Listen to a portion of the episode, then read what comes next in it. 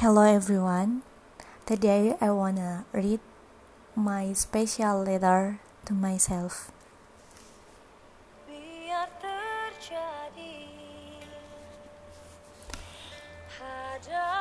Dear to my beloved myself.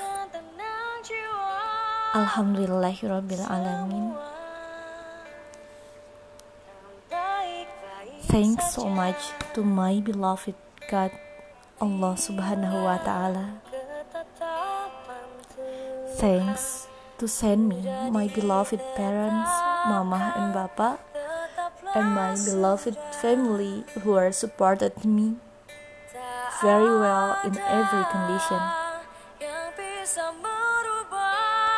Thanks to send me my beloved teachers who are supported and inspired me very well. Thanks to send me my beloved friends, best friends, and someone who I'm loved who are supported me and accompany me to coloring my life. And last, but this is very important.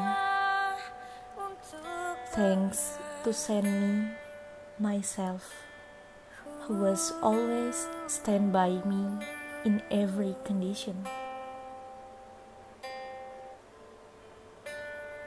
I'm so sorry. Sometimes I'm angry to myself, but honestly, from now I will learn more to love to myself. Let's cry together, love together, and enjoying this story because this is just playground in my life. And I want to say, it's okay not to be okay. We can try again, again, and again. I love you to my beloved self. Malang, 14 February 2021. Thank you.